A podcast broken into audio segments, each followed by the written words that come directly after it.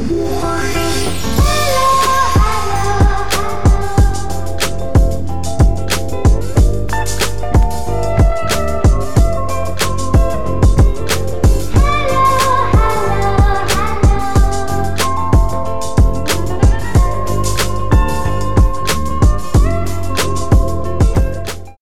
lagi di Celatu Podcast Kemerdekaan.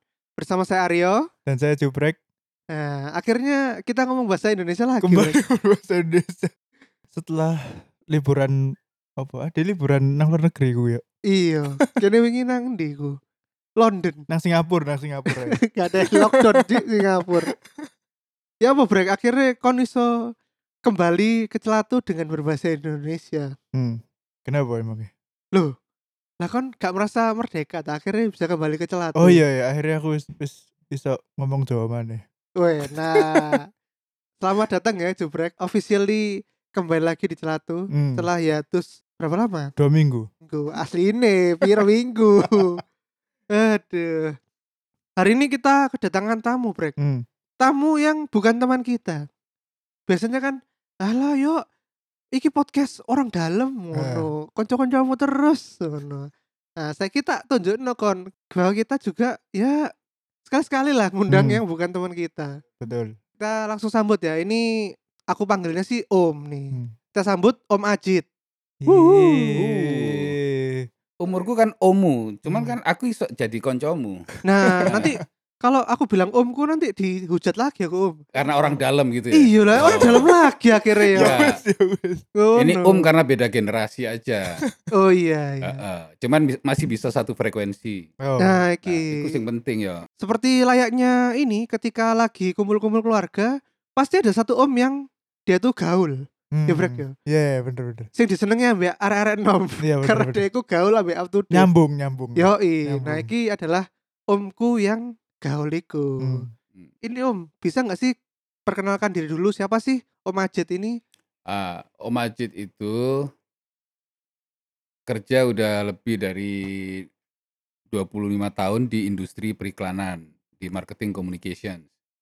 Nah, biasanya orang-orang marketing communication itu temennya mulai umur 17 sampai 71. Jadi kalau ketemu 17 ya kita akan ngomong isu-isu yang di usia 17 sampai usia 50, 71 ya kita bisa harus ngimbangi di usia itu. Jadi apa pun isunya ya kita harus bisa mengimbangi mereka. Itu Mm-mm. kenapa kalau kita ketemu sama usia-usiamu yang boleh tak sebut nggak usiamu tuh? Boleh, Boleh, lah. Om. Oke. boleh, boleh. Nanti Boleh. dibully sama temenmu. Ternyata podo tua kan ya. Usia-usia 30-an pun ya Om Ajit juga bisa ngobrol Hmm. di isu-isu di usia 30-an gitu. Oh, kita belum 30 loh tapi Om. Iya. On the way to On kan. the way. Nah, on the way. on the way to loh. Iya iya iya. Tapi Om Ajit sendiri percaya nggak sih pepatah yang ngomong life begin at 30s? Life itu begin at any ages. Hmm. Karena setiap usia itu pasti ada memulai sesuatu yang menarik gitu. Jadi di usia 20 kamu akan memulai sesuatu hidup yang menarik di usia itu. Oh. Nanti kamu akan ketemu di 30 kamu akan menarik di usia itu apa? Beda lagi isunya. 40 gitu, 50 beda lagi gitu. Oh, benar Nah. benar Om. Asiknya orang yang bisa menikmati di setiap usia itu dia bisa menemukan asiknya itu, itu yang mereka bisa dikatakan merdeka itu ya itu. Hmm. Karena Oh, merdeka itu bahagia. Nah, Bener juga sih Om. Kalau dipikir-pikir mungkin di usia kita di 10-an, 20-an tuh nggak punya uang, hmm. tapi merdeka waktu. Ya. Iya, akhirnya waktu Ya, luang merdeka kan? waktu, ya, merdeka bener. waktu, bener. Merdeka waktu. Merdeka waktu. Kalau umur 30-an mungkin sudah punya kerja. 20-an dulu dong. Oh, 20 bulan, 20-an. iya 20-an. Mulai-mulai galau, mulai-mulai gak Ah, jelas betul, betul. gitu kan. Hmm. Bisa jadi usia yang menarik, bisa jadi usia yang mencemaskan gitu. Nah, gitu kan. Tapi harus tetap merdeka gitu. Oh, terus aku kini cemas terus. Bro. Usia piro aja cemas. Anxiety terus ya. Itu. Ah, iya iya iya. Kalau 30 ini ya udah mulai mapan, udah punya uang. Hmm. Eh, 30 itu nakal tapi terkendali. Waduh. Oh. Nakal tapi by design gitu. Hmm. Jadi Oh. dia ngerti kapan karena dia sudah mulai punya penghasilan yang bagus. Tapi boys always boys gitu kan. Boys will be boys. Nah, will be boys. Mm-mm. Oh. Tapi dia sudah mulai teratur. Jadi kalau dia usia 30 nakalnya kebablasan itu berarti ada yang salah sama dia. Oh. Oh. Telat nakal ya Om. ya? Telat Telat nakal. nakal. Aduh, iya kayak beberapa temanku tuh sekarang udah pegang uang terus jadi ini om Tidak terkontrol. iya Tidak terkontrol. Ya semakin dini kita menemukan apa yang kita suka, itu kita akan menemukan bahagianya kita. hmm. Contoh misalnya aku dulu di SMA sampai kelas 2 SMA itu masih ngikutin semua. semua itu apa maksudnya? Otomotif iya, musik iya, Oh. olahraga yang lain iya. Ya kan? Hanya untuk Fit in, fit in. ya Hmm. gitu kan. Hmm. fit in dan tap in dan mingle dengan beberapa teman Hmm. gitu kan. Tapi akhirnya tak putuskan bahwa aku lebih cenderung ke musik gitu. hmm. Kenapa? Karena ternyata di situ aku lebih bahagia, jadi aku habis-habisan di situ. Nah, aku menemukan itu. Jadi kalau yang lainnya beli velg sampai mahal-mahal, ya aku beli grand piano sampai mahal-mahal. Beli drum sampai mahal-mahal. Ya dilokno. Kon apa tuku larang-larang lho, itu makes me happy. Hmm. Padha mbek temanku yang tak lokno. Lho kan apa tuku velg sakmono iku, tuku mobil kayak ngono iku makes me happy lho. Ya wis. iya bener bener Akhirnya kalau Iya, kita sudah menemukan apa yang kita suka, kalau ku tahu yang ku mau itu bikin hidup lebih hidup. Nah itu, Oh. ono iklan pernah denger itu kan? Iya, Benar, iya. Nah, benar. karena aku orang iklan jadi hafal aku. kalau ku tahu yang ku mau itu bikin hidup lebih hidup. jadi bisa dibilang gini juga nggak sih om ketika kita tahu apa yang kita suka apa yang kita mau tuh kita bisa merasakan adanya kemerdekaan pada diri kita sendiri Oh iya. Karena aku dulu pernah punya quote itu. Itu sesuatu yang aku ciptakan dan aku nikmati sendiri. hmm. Jadi menciptakan sesuatu buat diri kita yang membuat kita happy itu itu kita bisa menikmatinya dengan cara kita. Hmm. Dan sering kali itu tidak menarik buat orang lain tapi buat kita itu happiness benar benar Hmm. om gitu. kita tidak perlu orang lain untuk mencintai hobi kita Oh enggak. Bahkan ada temennya Om Haji sampai tua kayak gini dia ngertinya berhobi karena ingin dilihat orang oh, Oh, gitu kan. Berhobi ingin dianggap sesuatu oleh orang gitu. Nah, itu menurut aku tidak bahagia. benar benar. Mereka hanya ingin membahagiakan orang iya, tapi mereka nggak bahagia. iya tuh Oh. belum merdeka itu itu namanya belum merdeka. iya Gengsi nah, sih, gengsi. Karena merdeka itu adalah bahagia. Hmm. nah ngomong-ngomong merdeka nih om Mm-mm. kan kemarin 17-an Hmm. Terutama lagi di masa era pandemi Oke. tentu nggak ada kayak perayaan-perayaan 17-an yang meriah kayak Ya, tahun-tahun kemarin kayak banyak Lomba-lomba, atau adanya tirakatan, upacara. Nah, Nah. tirakatan atau ono apa Apa? jalan sehat Oh, bazar ya. ngono-ngono lho kalau Majid sendiri melihat gimana sih warga kita ini merayakan kemerdekaan di masa pandemi yang sekarang ini Aku pikir ya, sifat dasar orang Indonesia itu sebetulnya kan lebih diguyup, dirukun, Mm-mm. gotong royong, hmm. tanggung renteng, hobi ngumpul, gitu kan? Hmm. Mangan gak mangan kumpul. Hmm. Nah, ya kan? Itu bukan berarti kengangguran bukan, tapi filosofi itu mangan gak mangan kumpul itu artinya dalam suka dan duka itu kita harus tetap selalu bersama. Hmm. Jadi prinsip manusia sosial Indonesia itu sebetulnya ingin bersama-sama itu. Hmm. Walaupun akhir-akhir ini lebih banyak lalar gawe ya toh. Bahasa bahasa Inggrisnya apa lalar gawe kan ya. Gawe Oh, ngomong bener gawe. Kurang gawe gitu. ya. nah, ya karena kita Ya. judulnya celadu ya gini ngomongnya lalar gawe. Iya, Karena iya. celadu itu sesuatu yang menarik karena nggak ada di kosakata bahasa Inggris juga nggak ada. Makanya kita juga sama, lalar gawe itu ya. Nah, dalam situasi pandemi sebetulnya ada bridging yang agak susah buat orang Indonesia yang selalu getting along with Hmm. people kayak gitu-gitu kan. Itu agak susah. Karena mereka senang berkumpul. Walaupun sering kali berkumpulnya banyak juga yang nggak manfaat. Hmm, bener om Pertama 15 menit itu keren isinya. Kangen-kangen, lapo-lapo gitu kan. Tapi 15 menit kedua mulai rasan-rasan. iya bener Ya gosip kan? om gosip Iya. 15 menit ketiga iso padu mulai kan. Mm-mm. Mulai padu, mulai tukaran. Wow, kau iso kayak gini kayak gini nah gitu-gitu. Menit kemudian iso jotaan. Ngono kan? Iso males ketemu mana gitu. Jadi memang Indonesia itu unik gitu. Nah, kalau di masa pandemi ini tak bagi. Yang kita mau bicara generasi siapa nih? Gitu. Hmm. Kalau generasi kita bicara di 1824 ya gener- generasi yang Gen Z gitu kan. Ya. Kemudian 25, 3, 40 generasi Gen X gitu. Baru generasi baby boomers, generasi analog kayak gitu. Nah, itu beda-beda memang. hmm. Terutama generasi-generasi analog dan generasi imigran ini. Kalau yang masuk-masuk di generasi muda yang tadi aku bilang 35 ke bawah itu generasi digital native ini, ini nggak terlalu keganggu. Hmm, bener bener. Nah, generasi-generasi yang analog, yang orang-orang 60 plus, 56 50 60 plus, generasi imigran yang 50 35 ini dia agak keganggu. Karena istilahku tuh mereka tumbuh dengan kebersamaan itu. Iya. Nah, kalau kalian itu sudah tumbuh secara individual dengan gadget, dengan teman-teman eh, internet base dan sebagainya itu kalian sebetulnya lebih tidak sosial daripada generasiku. Nakalnya beda.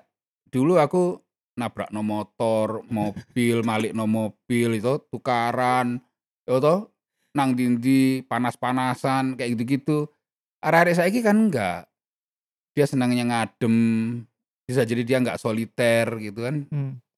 Jadi dengan kondisi yang kayak gini nih menurut aku yang terganggu tuh generasiku. Aku ini Hmm. generasi imigran. Hmm. Yang generasi analog lebih terganggu lagi karena mereka ada romantisme, ada Iya, iya. romansa-romansa yang pengen cerita dahulu. Wah, Iya, iya. Dulu eling-eling bien dan Hmm. sebagainya kayak gitu-gitu itu mereka gitu. Hmm. Mereka yang sudah punya masa lalu itu yang agak keganggu. Nah, kalian yang belum banyak punya masa lalu dan kalian punya masa kini yang kalian sudah nikmati sendiri itu, kebersamaan keluar itu nggak terlalu keganggu sepanjang internet ini murup, Iya betul. ya kan? Betul. Sepanjang Hmm. gadget itu tersedia. Aku berharap anak-anak Gen Z, Gen X itu harusnya masuk ke kategori learning society, Hmm, benar benar. bukan gossiping society gitu kan? Iya Nah. bener. Om. Apalagi dreaming society. Hmm. Itu generasi-generasiku tuh. Iya. Harusnya kalian tuh generasi yang lebih ke learning society, lebih ke analyzing society gitu kan. Karena apa? Kemampuan reading, kemampuan thinkingnya itu sudah ada supportingnya. Dulu kita enggak. Aku mbien arep main drum gitu kan.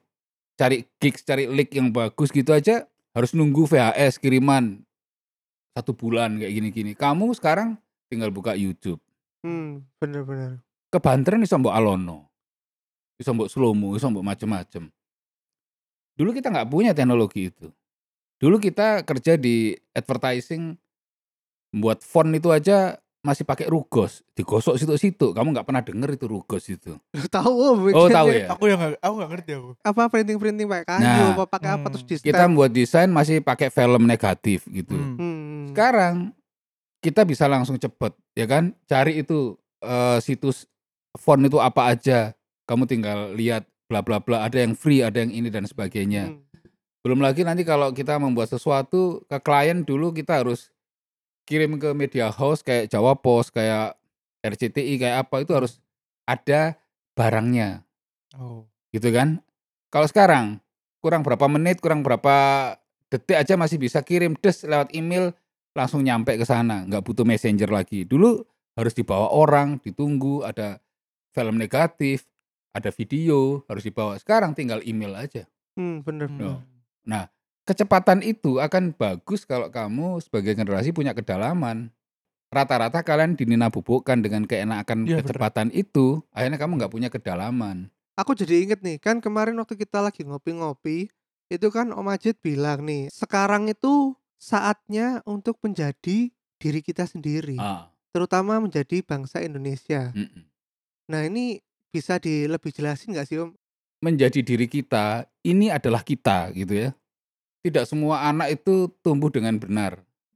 Kenapa? Karena sekarang informasi itu kan kayak tsunami. Hmm. Dia masuk itu begitu deras gitu, sampai bergulung-gulung ombak sampai tinggi sekali. Bagaimana kamu bisa selamat dari tsunami itu kalau kamu nggak punya ini kita itu? Karena sebetulnya menjadi Indonesia itu sederhananya adalah semakin kita dekat dengan cara hidup kita, itu semakin mudah dan murah dan semakin bahagia kita menjalani kehidupan itu. Nah bener ini sebetulnya. Karena apa? Karena sebetulnya kita ini punya kalau aku menyebutnya yang paling sering orang mendengar adalah local genius, local wisdom. Hmm. Ada lagi, aku pernah bilang ada yang namanya local eminence gitu. Setiap negara, setiap bangsa itu punya kemasyurannya masing-masing, punya kedikdayaannya masing-masing. Kalau diruntut sebetulnya di setiap bangsa itu punya. Mulai zaman sebutin lah, zaman Mongol, zaman Babylon, zaman Konstantinopel, you name it lah. Zaman-zaman itu ya kan, Romawi, sampai kita zaman-zaman kita sendiri. Itu kita punya kemasyuran sendiri-sendiri yang orang sendiri nggak pernah menggalinya. Hampir di semua lini kehidupan kita, mulai dari medicine, mulai dari pendidikan, mulai dari ilmu kepemerintahan, mulai dari gaya hidup, mulai apa. Kita ini punya asiknya sendiri-sendiri. Hmm. Hmm. Orang kenal yoga, orang kenal pilates. Padahal kita punya tarian yang namanya bedoyo ketawang itu ya sama aja. Itu sama aja dengan pilates, sama aja dengan kita nari yoga. Kalau kamu pengen keringat mundur terus nari iku. Ngono kan? Iya. Orang Jawa dulu bilang ada olah rasa, olahraga dan olah irama gitu kan. Hmm. Hmm. Wirogo, Wiroso, Wiromo misalnya kayak gitu. Itu kalau diterjemahkan sekarang seperti itu. Kita punya, tapi kita lebih senang fitness yang dari barat. Hmm. Kita lebih senang yoga yang dari India, dari ini. Kita punya semuanya. Makanan misalnya, orang lebih cenderung salad. Padahal gado-gado ya salad. Iya bener. Iya. Pecel itu ya salad. Salad with peanut sauce. Peanut sauce. Ya Iya salad bener, itu. bener. Tapi seberapa kamu mau explore itu gitu. Hmm. Jadi sebetulnya yang tadi aku bilang kita semakin dekat dengan cara hidup kita itu kenapa? Karena era pandemi ini itu gambaranku setiap negara itu akan mengembargo dirinya sendiri. Benar-benar Om. Dia akan lebih mementingkan kepentingan nasionalnya. Hmm. Apa yang menjadi produk-produk yang bisa dilakukan untuk lokalnya ya dia dalukan gitu loh. Nah, kalau sudah kayak gitu, forget it about halibut, about salmon, Hmm. about herring, Hmm. coba kembali ke nila, gurame, lele, ya toh, iwak wader, Hmm. patin gitu. Pertanyaanku, susahnya di mana kalian dapetin itu? Mahalnya di mana kalian itu? Hmm. Nah, kalau masalah enaknya, itu kreativitasmu. Hmm. Kalau kamu bisa membuatnya dengan bumbu yang lebih menarik, sambal itu ada ribuan. Iya. Kita punya petis dan terasi itu adalah sangat Indonesia. Kita kecap manis itu sangat Indonesia. Itu yang tidak dipunyai sama Barat. Bahkan dulu semua rempah-rempah itu sebetulnya dari Indonesia. Kita punya kaya rempah gitu. Makanan kita itu mengandung banyak tonik, mengandung banyak kesehatan macam-macam dan enak gitu. Kalau kamu tak pecah bumbu untuk urusan soto, di dalamnya ada kunyit, ada serai, ada daun salam, ada macam-macam di situ. Ada kesehatannya, ada enaknya, ada rasa uniknya. Dan itu rasanya juga nggak kalah sebetulnya sama rasa-rasa makanan-makanan yang ada di Perancis, makanan-makanan di Eropa, di Amerika. Sama. Pertanyaannya adalah, kita mau benar-benar menghargai itu apa enggak? Hmm. Kalau kita bisa menjadi diri kita, itu sebetulnya kita akan lebih mudah. Nah, makanya kalau sekarang di era pandemi itu semua orang apa yang nggak bisa dibuat di Indonesia? Indonesia itu negara yang paling unik. 51% gunung berapi ada di Indonesia. Soilnya dari arah apa dari Aceh sampai ke Papua Wamena itu mengandung soil yang berbeda-beda karena terpisah sebagai kontinen, pulau. Hmm. Ya kan? Makanya kopi di Indonesia dari Aceh sampai ke Wamena rasanya beda Beda. Hmm. urusan basic, urusan makan, minum, tidur, piknik itu nggak ada seindah Indonesia. Makanya sekarang kalau era-era pandemi kayak gini, kamu nggak usah piknik ke Paris, piknik ke mana nggak usah. Hmm. Labuan Bajo, Raja Ampat, ya toh, sebutkan Wakatobi, Hmm. sampai pantai-pantai di sepanjang Pacitan, Tulungagung, Iya. Jilen dan sebagainya, mulai di mana pun tuh nggak ada sih ngelek. Tapi Hmm. kalian nggak bisa mau menikmati itu. Kenapa? Kalian sendiri nggak pernah punya alasan. Nah, kita bedanya sama bule itu, dia selalu punya alasan dengan apa yang dia mau lakukan. Hmm. Itu namanya menjadi diri sendiri itu sepanjang dia punya alasan untuk melakukannya. Nah, kita itu tidak tumbuh untuk punya alasan. Nah, tadi kalau kamu bilang merdeka itu adalah bahagia, gitu kan? Kita itu jadi diri kita sendiri kalau kita selalu punya alasan dengan apa yang akan kita lakukan. Hmm. Kita boleh beradu argumen. Kenapa kamu jadi tukang becak? Karena ini, karena ini, karena ini, karena ini. Kenapa kamu jadi pematung? Karena ini, karena ini. Bukan nggak boleh karena sana bapakmu bupati, masuk kon jadi pematung. Oh iya Sana, sana bapakmu profesor, Hmm. masuk kon apa jadi tukang bengkel, Hmm. gitu kan? Whatever itu sebetulnya reason. Aku menemukan sesuatu di sini yang bisa aku explore gitu. Dan itu makes me happy. Balik lagi aku bilang. Hmm. Balik lagi kalau kita bicara merdeka atau bahagia itu adalah karena aku punya alasan. Ku tahu yang ku mau. Nah ini. Bule itu tahu. Kenapa kok aku jadi ini? Karena aku pengen ini. Bapak R jadi apa terserah dia. Nah, kalau kita kalah sama nilai-nilai sosial. Iya, iya. Kembali lagi di era pandemi tadi yang pertama mungkin yang bermasalah lebih ke generasi analog dan imigran ya. Kalau Hmm. generasi digital native itu relatif nggak bermasalah. Kemudian yang kedua, kita harus semakin dekat dengan cara hidup kita supaya kita bisa lebih mudah, lebih murah. Dan yang ketiga, kita selalu punya alasan untuk kenapa kita menjadi sesuatu itu. Hmm, Hmm. bener sih Om. Beberapa bulan ini selama menjalani masa corona itu ada hal yang aku tangkap bahwa memang bangsa kita ini sekarang mungkin antara dipaksa atau memang dia secara insting itu kembali menjalani hal-hal yang emang dekat dan lekat dengan diri kita sendiri. Hmm. Contohnya dari makan aja Om paling gampang. Hmm. Dari beberapa restoran yang tak lihat, yang biasanya sekarang tutup dan bangkrut adalah resto-resto yang Lifestyle lifestyle seperti resto yang bukan kita. iya gitu. resto Itali Ya, Oh, Iya, paham, iya. paham. Iya, iya, Quote paham, unquote bukan kita. Iya, iya. gitu. Tapi kalau paham. Iya, paham. restoran yang ini kita Ah, Heeh. atau ini kita banget gitu Ah. kan ya. Mm. Nah, itu pasti laku. Iya, benar. Apa iku? Ah, Sego bebek, Iya, kayak gitu. Atau ayam geprek. Hmm. lele, penyetan. Nah, Wah, itu itu budal terus kan? Iya, ngomong-ngomong iya, iya. penyetan, Om. Ah. Jadi kan waktu Indonesia lagi minggu-minggu awal corona yang panik itu, Hmm. masa-masa lockdown itu kayak McD apa itu kan ha- hampir tutup jam 8 Hmm, apa. Hmm. hmm. Mak ye ye loh penyetan. Eh, Buka 24 jam dan ruame gak Nah. karuan Iya, iya, bener, bener, bener, bener. ras, ras, ras. Nah, itu kan membuktikan bahwa ya emang ketika di masa genting, masa Hmm. masa-masa pandemi itu ya emang kita kembali ke insting kita masing-masing mengkonsumsi tempe dan Tahu. tahu dipenyet dengan sambel. Makanya menurut aku sebetulnya pandemi itu suka apa nggak suka merejuvenate kita, mereposisi lagi kita Hmm. menjadi lebih segar, jadi tahu apa yang kita mau, gitu kan? Bahasaku mungkin lebih kepada di era pandemi itu orang akan jadi lebih sehat, menjadi lebih cerdas, menjadi lebih teratur, lebih tertib gitu kan. Nah, itu kenapa? Bisa jadi karena dipaksa. Ah, aku kalau saiki metu gak ono gunane percuma rek, kudu ono output Nah, berarti dia lebih well plan, cerdas dia, lebih teratur gitu. Sekarang kalau antri dia jadi lebih tertib, nggak dusel-duselan Hmm. Karena wedi, Iya, iya. ya kan? Iya, iya. Berawal iya. dari wedi gitu kan. Karena memang apa pada dasarnya manusia itu dilahirkan itu dipaksa.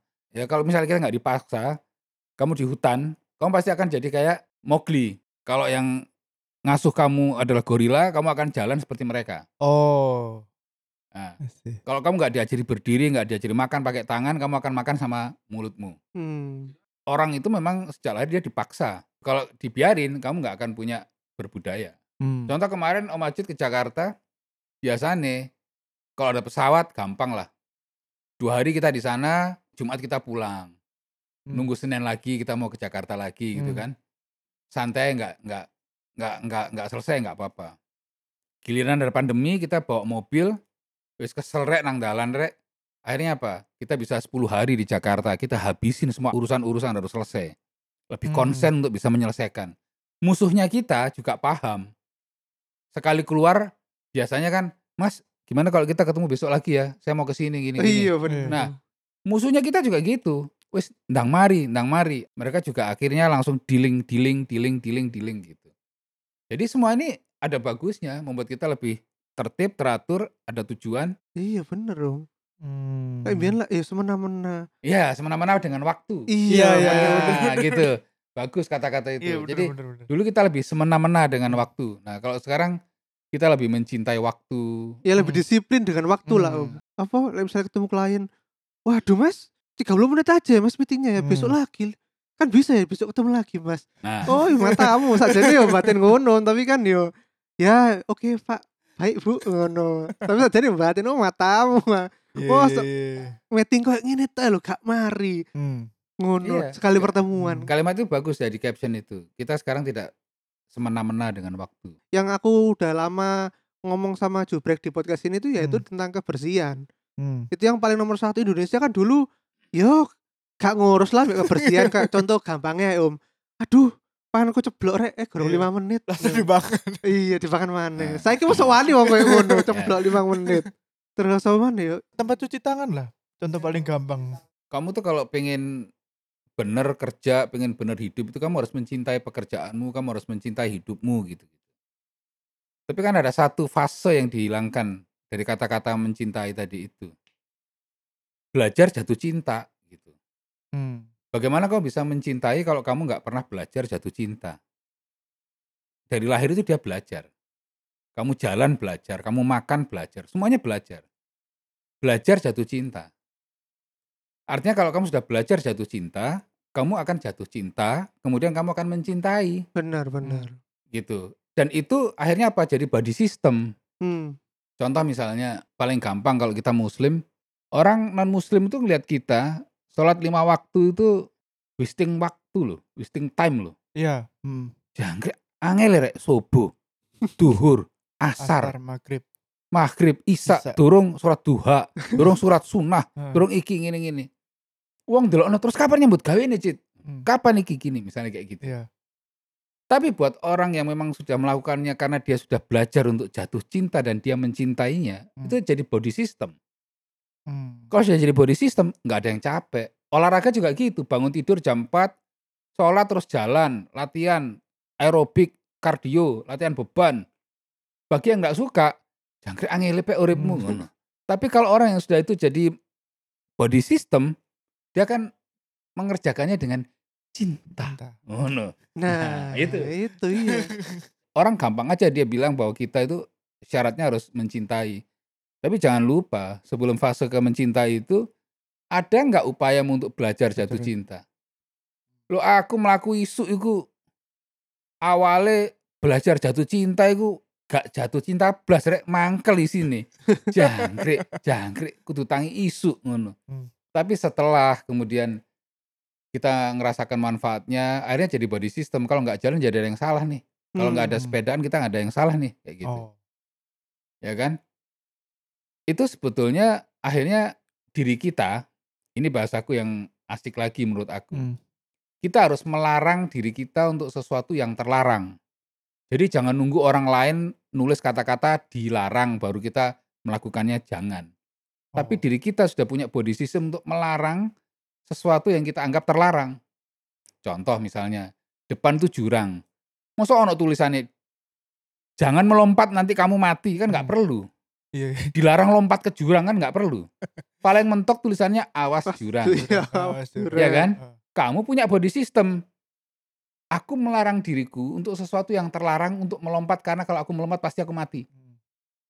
Makanya kalau sekarang era pandemi ini banyak orang nyalakan pemerintah. Pemerintah itu pelin plan, pemerintah gak jelas ngene ngene ngene, iki dilarang enggak ngene ngene.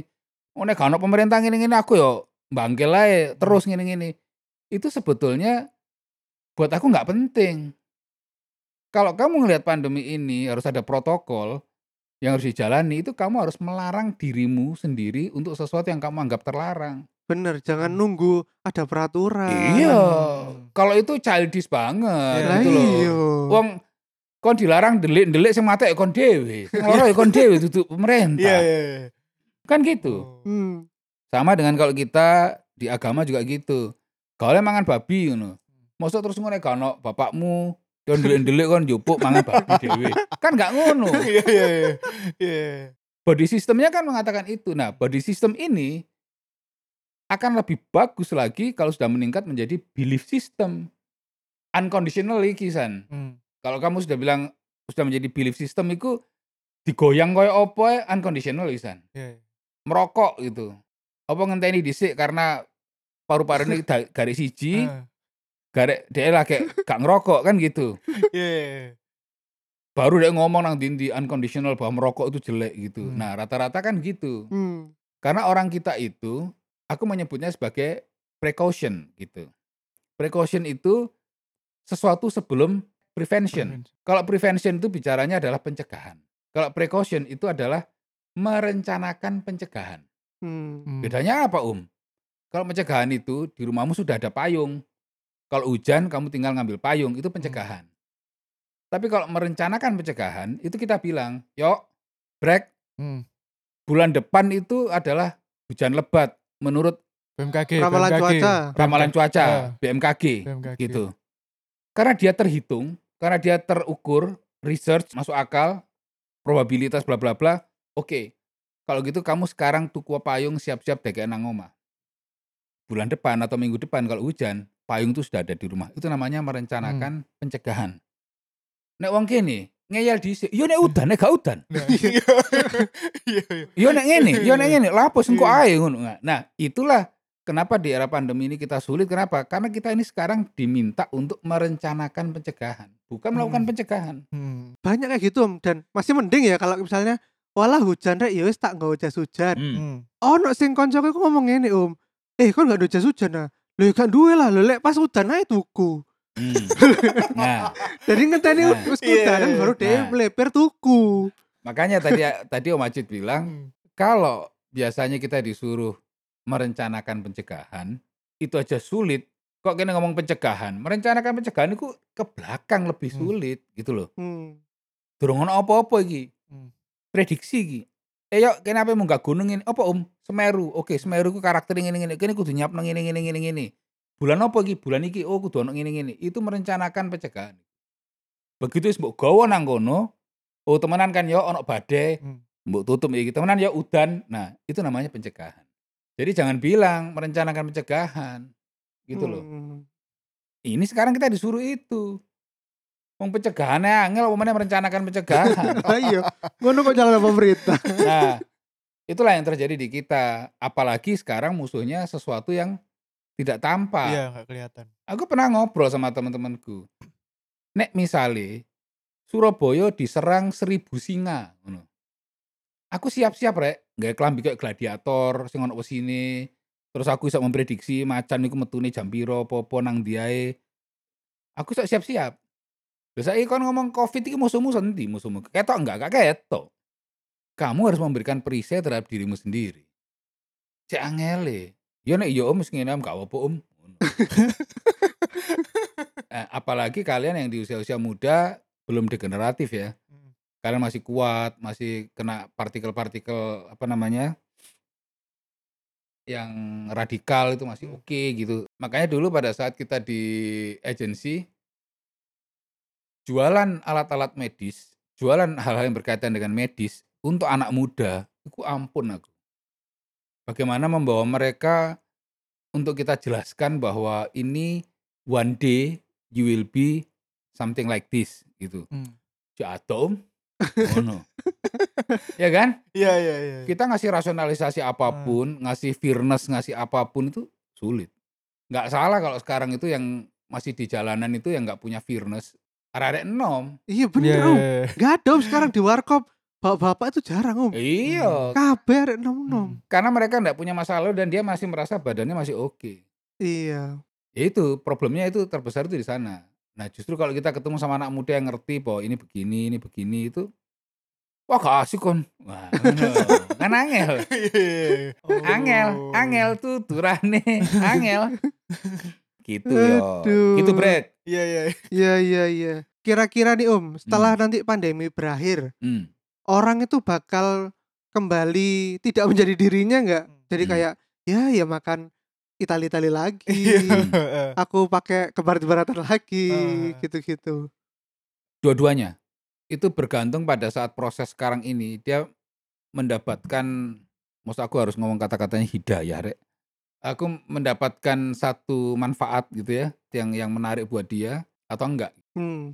Minimal mereka bisa memilih kapan ini adalah daily basis, ini daily food sama yang ini swaka.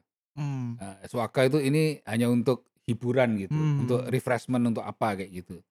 Tapi kalau yang mereka tahu bahwa yang daily basis itu kayak gitu, sepertinya kan akan berubah. Cara kita hidup pun juga berubah. Contohnya sekarang di media, aku menyebutnya saya adalah media, saya adalah restoran, saya adalah office, saya adalah everything. Kamu mau membentuk dirimu saya itu jadi apa?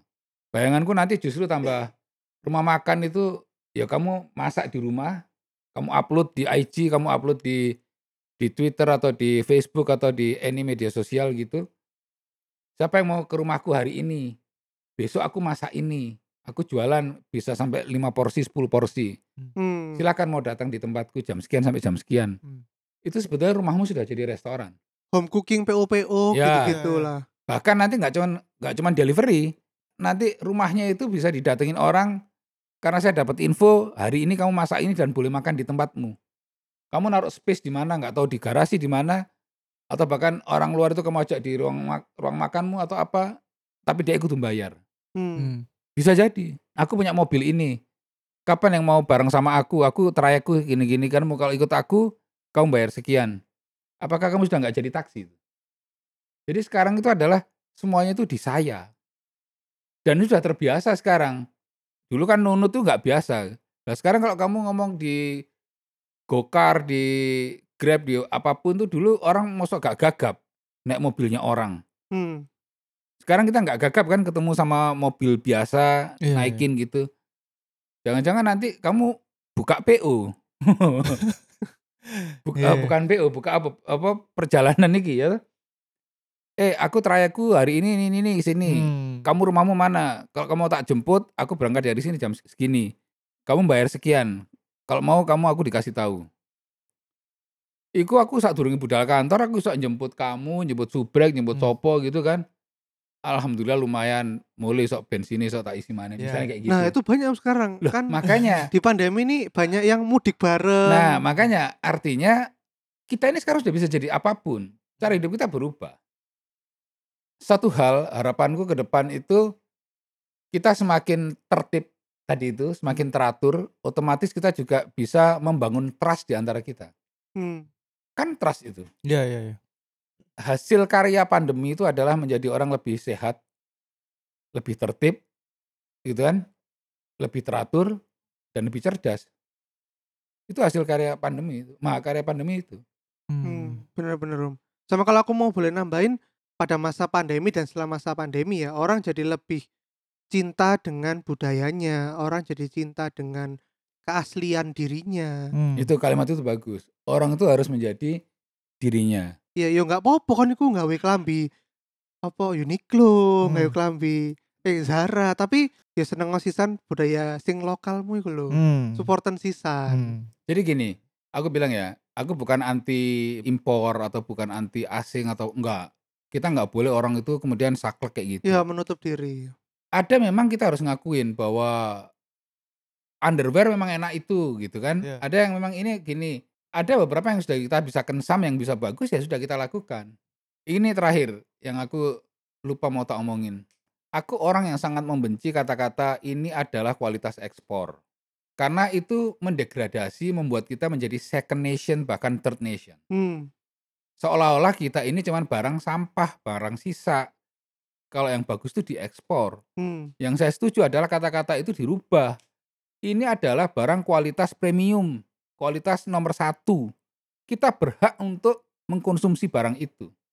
Bukan oh ini kualitas ekspor seolah-olah kalau ekspor itu nyuma nggak no wong jobol we enak, kini cuma tuku Iya, barang iya. sampah. Iya bener. Itu Om. sebetulnya itu membuat kalian tidak cinta menjadi diri kalian. Nah, contoh contoh paling gampang buat anak muda ini pasti pada tahu. Hmm. Sepatu Jordan Hmm. made in Indonesia. Sumpah Kak Bojo, sepatu Ah. Jordan made in Indonesia. Oh iyalah aku.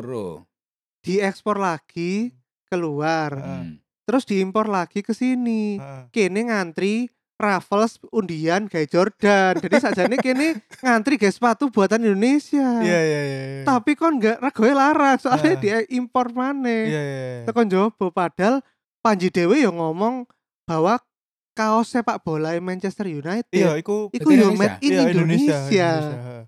Mereka Iya. bilang orang barat tuh nggak mau kalau nggak made in Indonesia karena Hmm. bagus. Iya, iya, iya, iya. Craftsmanship Hmm. Orang Indonesia itu luar biasa. Hmm. Jadi kemampuan tangan manusia Indonesia itu SDM itu luar biasa. Kita kalah di teknologinya. Iya. Makanya mereka tuh ngambil teknologi raw-nya, material itu, kemudian jahitnya orang kita, cuttingnya orang kita, tempelnya orang kita itu keren. Hmm. Oh. Makanya aku bilang jangan pernah bicara tentang bahwa ini adalah kualitas ekspor. Teman-teman, Hmm. arek enom, ini adalah kualitas nomor satu. Ini premium dan kalian berhak untuk membeli itu kalau kalian punya uang. Tapi kalau ngomong ini kualitas ekspor itu seolah-olah nek sing apik iku iku kon bagian sing elek-elek. Iya, iya. Apalagi yang ngomong pejabat. Hmm. Itu otomatis kalian sudah memberikan degradasi mental menjadi second nation. Iya bahwa kita Iya. tuh gak pede. Itu yang pertama. inferior. Itu yang pertama inferior. ah. Yang kedua ada lagi ini adalah buatan anak bangsa Indonesia ini ini bla bla bla bla Iya. bla bla. Buat apa? Anak bangsa ini sudah bekerja sama, Hmm. sudah berkolaborasi dengan bangsa lain di any kind of business. Hmm. Yang namanya film Marvel itu ada anak Indonesia di situ. Hmm. Hmm. Yang ada Paris Fashion Week itu ada anak Indonesia di situ. Hmm. Boeing Hmm. itu ada anak Indonesia di situ. Iya. Airbus ada anak Indonesia di situ. Hmm. Ya kan? Any kind. Pertanyaanku ngapain kita harus ngomong kayak gitu? Iya benar. Iya benar. Ngapain? Hmm. Iya. Lah pokok kudu bangga lek karya iki 100% Anak dibuat. Ah, itu- Indonesia. Itu, adalah orang inferior yang kita nggak ini ngapain? Iya iya iya. Kita lebih bilang ini adalah buatan Indonesia yang kelas premium. Mari. Karena kita juga mampu membuat sesuatu itu premium. Ini mudah-mudahan kalau ini podcast didengar sama pemangku kepentingan, Wah, ya toh. Lah ngono. bisa disampaikan nanti. Ini kan ngomong kan teman-teman barangkali kan gitu kan. Iya iya. Jangan pernah bicara bahwa ini adalah kualitas ekspor. Jangan pernah bicara bahwa ini adalah hasil karya anak bangsa. Kita sudah tidak di level itu. Kita ini sudah menjadi bangsa yang sama dengan yang lain. Hmm. Jadi bilang aja bahwa ini adalah kualitas premium, kualitas nomor satu. Ini adalah buatan kami sendiri. Selesai. Iya. Selesai. Hmm. Orang terlalu sering bilang bangga jadi Indonesia, 100% cinta Indonesia. Tapi apa? Ngomongnya kayak gitu. Yang bilang 100% Indonesia ini saya beli tidak di Cibaduyut, saya beli, sorry, saya beli di Cibaduyut, saya beli ini. Tapi ngomongnya ini kualitas ekspor. itu, itu apa? Kasih Iya, iya, iya, Ya iya. kan? Iya. Iya. Kontradiktif. kontradiktif. Iya. Setuju, Brek? Iya setuju. Nah, setuju, setuju. Lucu. Heeh. itu, itu Iya. sih. Hmm. Semoga di kemerdekaan kita ini kita menjadi merdeka, bahagia, kita percaya diri, kita menjadi diri kita. Nah, itu. Amin, amin. Itu, Amin, itu. amin, amin. Kon brek ono iki gak apa Apa? doa untuk Indonesia brek. Oh. harapan, harapan. Aku nggak ngerti. Iki ya mungkin aku mengamini kata Om Aji tadi sing apa? Amin. Ini adalah- gede ya. Amin. Maksudnya yang, yang itu loh, yang apa? eh aku juga gak sangat nggak suka apa kalau ada karya sing dengan embel-embel ini adalah karya anak bangsa. Maksudku terlalu mengglorifikasi hal-hal sing sebenarnya nggak perlu Hmm. ngono. Oke. Ngono ae wis. Ya wes terima kasih banyak ya Om Makasih, atas Om. waktunya. Thank you, thank you, thank you. Mampir ke Celatu. Semoga besok-besok bisa mampir lagi Om. Sip. Ya. Yaudah, gitu aja guys episode kali ini. Jangan lupa like, klik dan subscribe di YouTube Celatu dan juga follow IG Celatu IG di Celatu. @celatu. Hmm, Celatu. Dan Twitternya eh YouTube YouTube dan Twitter podcast, Podcast Celatu. Celatu. Oke, udah. Itu aja sampai jumpa lagi di episode Celatu berikutnya yang pasti lebih gila-gila lagi. Dadah. Dadah. Assalamualaikum. Waalaikumsalam.